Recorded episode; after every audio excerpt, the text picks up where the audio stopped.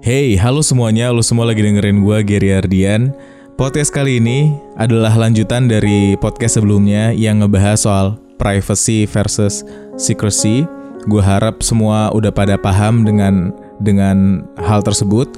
Kalau misalnya entah kenapa lo tiba-tiba baru datang ke podcast ini sebelum mendengarkan sebelum mendengarkan podcast sebelumnya, mendingan dengerin dulu yang sebelumnya supaya lo bisa nyambung dengan apa yang kita bahas hari ini. Gue selalu bilang kalau kita tuh sebisa mungkin nggak boleh menoleransi perselingkuhan. Karena bagaimanapun berkhianat berarti melanggar komitmen yang udah disetujui sejak awal. Tapi belakangan gue menyadari memang nggak banyak nih yang menjalani komitmen dalam hubungan dengan baik. Bahkan ternyata masih banyak yang nggak membicarakan komitmen atau hal apa-apa hal-hal apa aja yang perlu dimiliki ketika kita menjalin sebuah hubungan. Karena sempet gue beberapa kali dapat cerita kalau pasangannya selingkuh, tapi dia nggak rela untuk menyudahi hubungan tersebut gitu karena menurut dia hal itu masih bisa dimaafkan dengan alasan selama ini pasangannya adalah orang yang baik menurut dia gitu. Dan karena dia juga udah terlanjur sayang pastinya ya. Hubungan yang udah terlanjur sayang tuh bahaya menurut gue ya kalau misalnya dia bilang gue udah terlanjur lama udah terlanjur deket sama keluarganya udah terlanjur terlalu jauh gaya pacarannya gitu pokoknya semuanya terba terlanjur kita pernah ngobrolin soal rasa sayang yang harusnya nggak boleh ada embel-embel terlanjur. Tadi gue bilang kalau misalnya kita ngomong gue terlanjur sayang, itu bisa jadi bahaya. Karena biasanya orang yang bilang dia udah terlanjur sayang, sebenarnya pengen diselamatkan dari hubungan yang rusak gitu. Sebenarnya dia pengen dikeluarkan dari hubungan tersebut gitu. Pengen keluar tapi nggak bisa. Karena apa? Terlanjur. Tapi ya itu urusan lain lagi deh ya. Kalau ada di antara lo yang sekarang lagi dengerin podcast ini terus berada di posisi ini, di mana mau nggak mau harus bertahan dengan seseorang yang telah berkhianat atau selingkuh, gue turut sedih dengernya. Keep in touch aja sama podcast ini, dengerin sampai habis, karena sebisa mungkin gue bakal mencoba untuk menyampaikan opini gue dari beberapa eh, hal yang udah pernah gue baca dan cari tahu untuk masalah yang satu ini. Dan semoga ini bisa ngebantu lo ya. Kalau ingin bertahan dalam hubungan yang di dalamnya kini ada trust issue atau keraguan untuk saling percaya, kalian berdua harus benar-benar bekerja sama dengan baik. Harus sama-sama menyadari bahwa sekarang ini ada kepercayaan yang harus kembali dibangun gitu. Kalau nyatanya setelah diselingkuhin masih aja cuman lo ya sendiri yang berjuang untuk kebaikan hubungan ini, ya nggak bakal bisa ini tuh udah kayak jadi misi yang hampir mustahil gitu. Bahkan kalau kalian lakukan secara bersama-sama, apalagi berjuang sendirian gitu. Kalau misalnya ini yang terjadi, lo berjuang sendirian, mendingan udah, lo nyerah aja, segera akhir ini jangan dilanjutin lagi. Silahkan lo memutuskan untuk udah putus aja gitu, terus ngerasain sakit hati hari ini, yang itu bakal jauh lebih baik daripada bertahan menerima sakit berkelanjutan. Oke? Sebelum yang lain bilang, udahlah Ger, selingkuh itu penyakit. Mendingan udah disudahin aja, nggak usah dilanjutin. Ngapain sih lo ngomongin hal ini gitu? Ngapain sih lo ngasih kesempatan buat orang yang udah selingkuh buat bisa dapat mempertahankan hubungannya gitu? Nah, sebelum itu terjadi, sebelum ada yang ngetik itu di kolom komen, nggak tahu, gue rasa sih pasti bakal ada-ada aja sih. Gue harus ngejelasin dulu nih, kalau sebenarnya selingkuh itu tuh bukan penyakit. Ini yang ngomong secara psikologi nih. Kalau karena kalau e, kalau misalnya emang beneran penyakit, menurut gue ilmuwan di seluruh dunia ya udah pasti bakal berlomba-lomba untuk nyari obatnya gitu. Karena ini udah pasti laku keras nih di mana-mana nih terjadi perselingkuhan gitu. Sayangnya selingkuh itu bukan penyakit, tapi sebuah pilihan. Atau kalau misalnya mau dibilang bisa jadi juga uh, selingkuh itu karena keluguan. Keluguan, hmm, enggak deh ya. Kayaknya kurang cocok kalau mau dibilang keluguan. Lebih tepatnya kebodohan sih. Karena selalu ada masalah dari sisi psikologi bagi orang yang selingkuh. entah karena masa kecilnya yang kurang dipapari hal-hal baik sehingga nggak tertanam di kepalanya untuk bisa berkomitmen dengan satu orang saja kalau menjalin hubungan, atau mungkin karena dia baru melewati hal yang berat, contohnya kayak broken home misalnya. Sehingga ngebuat dia jadi kurang yakin dalam memilih pasangan karena takut salah pilih. Atau yang paling umum terjadi, dia ternyata nggak bisa menyalahkan siapa pun gitu. Karena ini pure ya udah karena sekarang dia masih anak muda yang labil terus tiba-tiba timbul perlahan-lahan sifat narsistik gitu. Merasa hebat merasa berarti ketika akhirnya mendapatkan lebih dari satu orang untuk dijadikan pasangan gitu. Yang buat gue sendiri harusnya kalau masih mau begini kalau dia setelah ini masih pengen bertahan sama sifat narsistiknya dia gitu. Pengen ngerasa hebat pengen ngerasa jantan pengen ngerasa gue tuh wah gue bisa menaklukkan banyak banyak hati nih gitu. Mendingan kalau lo pasti pengen kayak gini sadari aja kalau lo belum belum pantas untuk untuk berkomitmen gitu. Lo jangan jalin hubungan dulu karena lo ke depan cuma bakal nyakitin orang lain aja yang katanya di awal lo sayang. Paham nggak kalau misalnya lo pengen have fun dulu ya silahkan tapi jangan jangan menjanjikan sebuah komitmen sama seseorang untuk itu sebelum lo memutuskan untuk tetap bertahan dengan dia yang nyelingkuhin lo saat ini gitu. Lo harus tanya ke diri lo sendiri. Sebenarnya apa yang terjadi kemarin? Apa yang menjadi seluk-beluk dia akhirnya selingkuh gitu? Alasan mana yang kira-kira dari apa yang gue sampaikan barusan itu yang jadi masalah dia gitu? Atau mungkin dia punya jawaban lain apa yang sebenarnya terjadi? Lo harus menyadari hal tersebut karena tanpa menyadari kesalahan tersebut, perjuangan ke depan tuh bisa bisa sia-sia gitu. Karena itu bisa jadi pegangan awal lo di dalam memaklumi kesalahannya, menoleransi kesalahannya kali ini gitu. Dengan harapan dia menyadari juga hal tersebut dan ke depan memilih untuk tidak lagi mengulangi kesalahan yang sama. Ingat karena selingkuh itu bukan penyakit tapi pilihan. Kalau mau bertahan, pilihannya nggak boleh selingkuh lagi abis ini.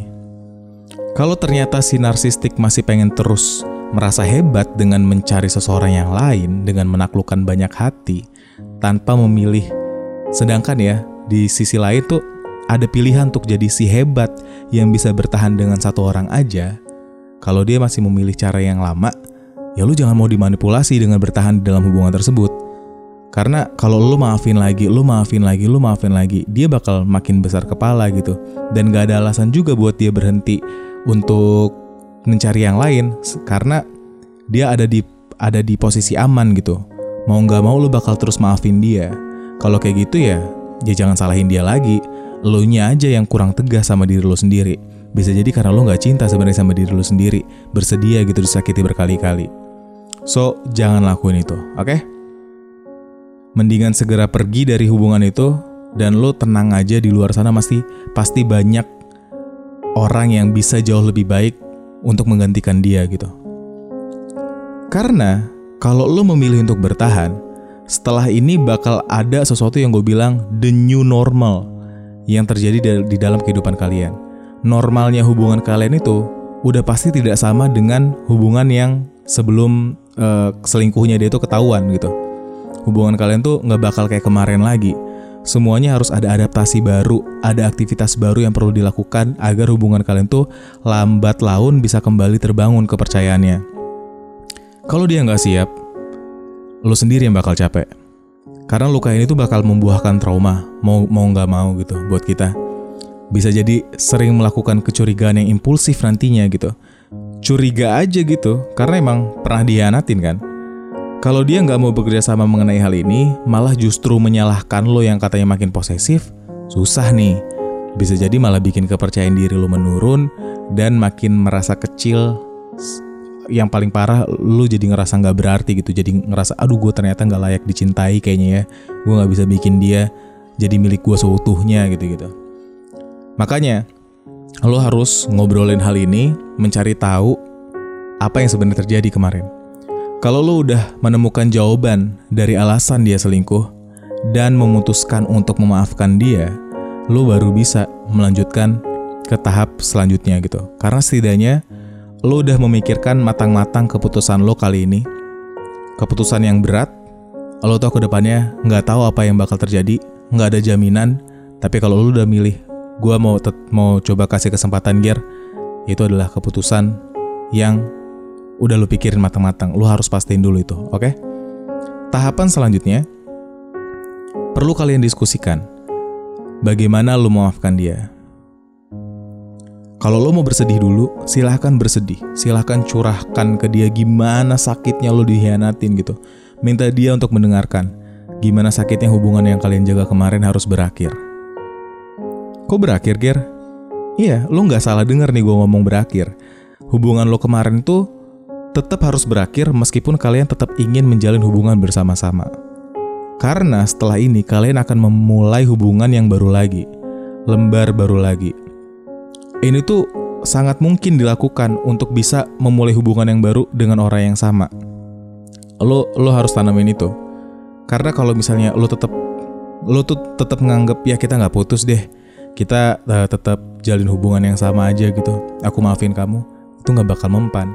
Lo harus lo harus mengakhiri. Pokoknya hubungan yang kemarin tuh udah berakhir.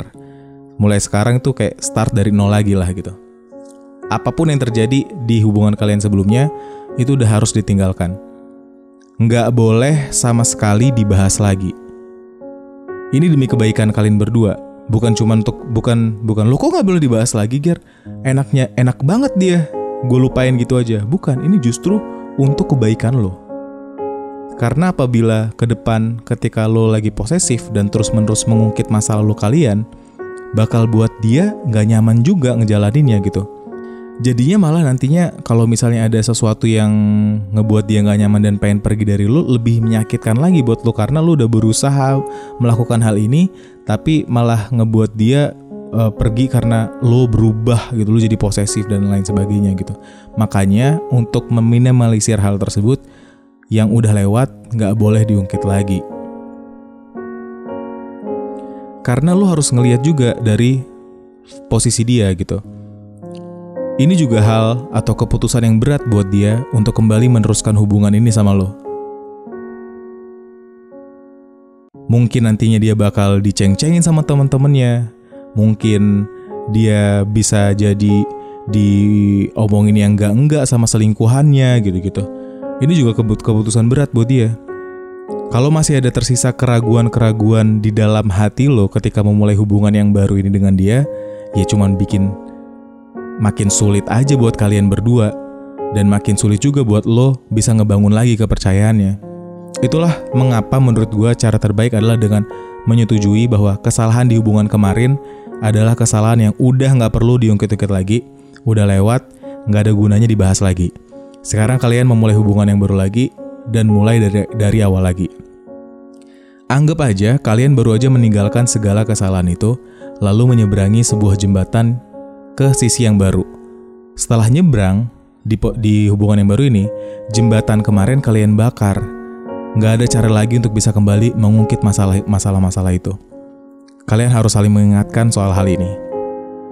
Kalau masih mau bergantung pada kesalahan itu, kalau lo masih pengen jalan maju sambil megang, sambil berpegang pada masalah tersebut, masih lo bawa terus gitu, nggak mau berusaha melupakan kesalahannya dan terus dibahas masa depan, ya makin mustahil juga untuk bisa memiliki hubungan yang bahagia dan sehat dengan dia setelah ini. Jadi lebih baik lo fokus ke depan karena sebenarnya masih banyak hal lain yang perlu diperhatikan dibanding kesalahan-kesalahan yang udah lewat. Silakan mulai dari awal lagi, bangun komunikasi yang lebih baik lagi dan harus lebih romantis lagi. Dia yang selingkuh harus berusaha lebih keras nih untuk mengambil hati lo lagi. Caranya gimana? Caranya dengan terserah baiknya bahasa kasih kalian tuh disampaikan dengan kayak gimana gitu. Bisa dengan sering kasih hadiah, surprise, pujian, pelayanan, atau apa pun lah yang bisa dikasih ke lo supaya lo bisa percaya lagi. Dia juga harus bisa memaklumi sifat lo yang kini jadi lebih curigaan. Demi perlahan-lahan membangun kepercayaan yang sebelumnya udah yang yang sebelumnya udah rusak gitu.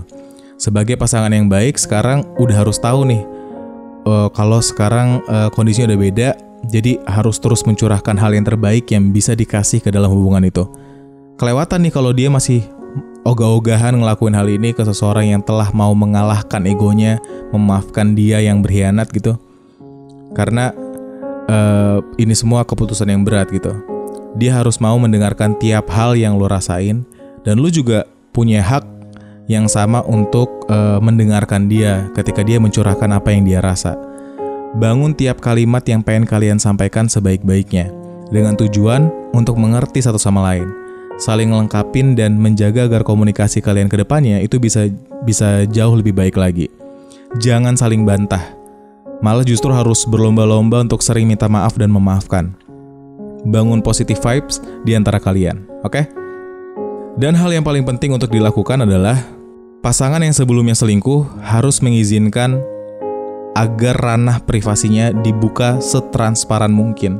Semua lo boleh tahu password handphonenya, lo boleh tahu password so sosial medianya, lo boleh memantau dia ketika pergi ke sini dan ke situ, lo boleh pegang HP-nya kapan pun lo mau, dan lain sebagainya yang lo butuh untuk bisa kembali membangun kepercayaan dalam hubungan ini.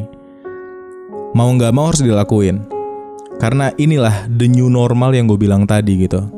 Karena karena um, membangun kepercayaan yang sebelumnya udah dirusak itu nggak gampang dan kalian berdua harus bekerja sama dengan baik soal hal ini gitu. Dan tentu saja hal ini itu cuma untuk sementara waktu sembari memperbaiki komunikasi di antara kalian. Sampai akhirnya kepercayaan itu lahir kembali dan kalian siap hidup berbahagia bersama dengan cara yang baru juga gitu. Dalam hal ini pasangan yang selingkuh bisa ngebantu untuk menunjukkan itikat baik nih dengan memberikan contohnya kayak informasi-informasi baru yang mungkin dibutuhkan berkaitan dengan lawan jenis. Kalau misalnya dia pengen ngelakuin apa, pengen ke mana, dengan siapa, itikat baik harus terus-menerus ditunjukkan untuk ngebantu lo sebagai orang yang disakitin jadi lebih cepat healingnya gitu. Biar jadi bukti kalau memang bener-bener dia memilih untuk tidak selingkuh lagi. Perlahan-lahan ketika kepercayaan itu udah ada lagi, udah terbangun lagi, dia juga udah makin menunjukkan rasa sayangnya ke lo, pokoknya hubungan kalian makin sehat. Nah, kembali nih, setiap akses yang awalnya diperbolehkan harus kembali dibatasi. Keputusan yang berat emang, tapi harus dilakuin. Setelahnya jangan lupa untuk terus belajar bersama, bertumbuh bersama. Semua ini mungkin kok dilakuin. Bagaimanapun juga, waktu bakal ngebantu kalian buat mengatasi ini perlahan-lahan.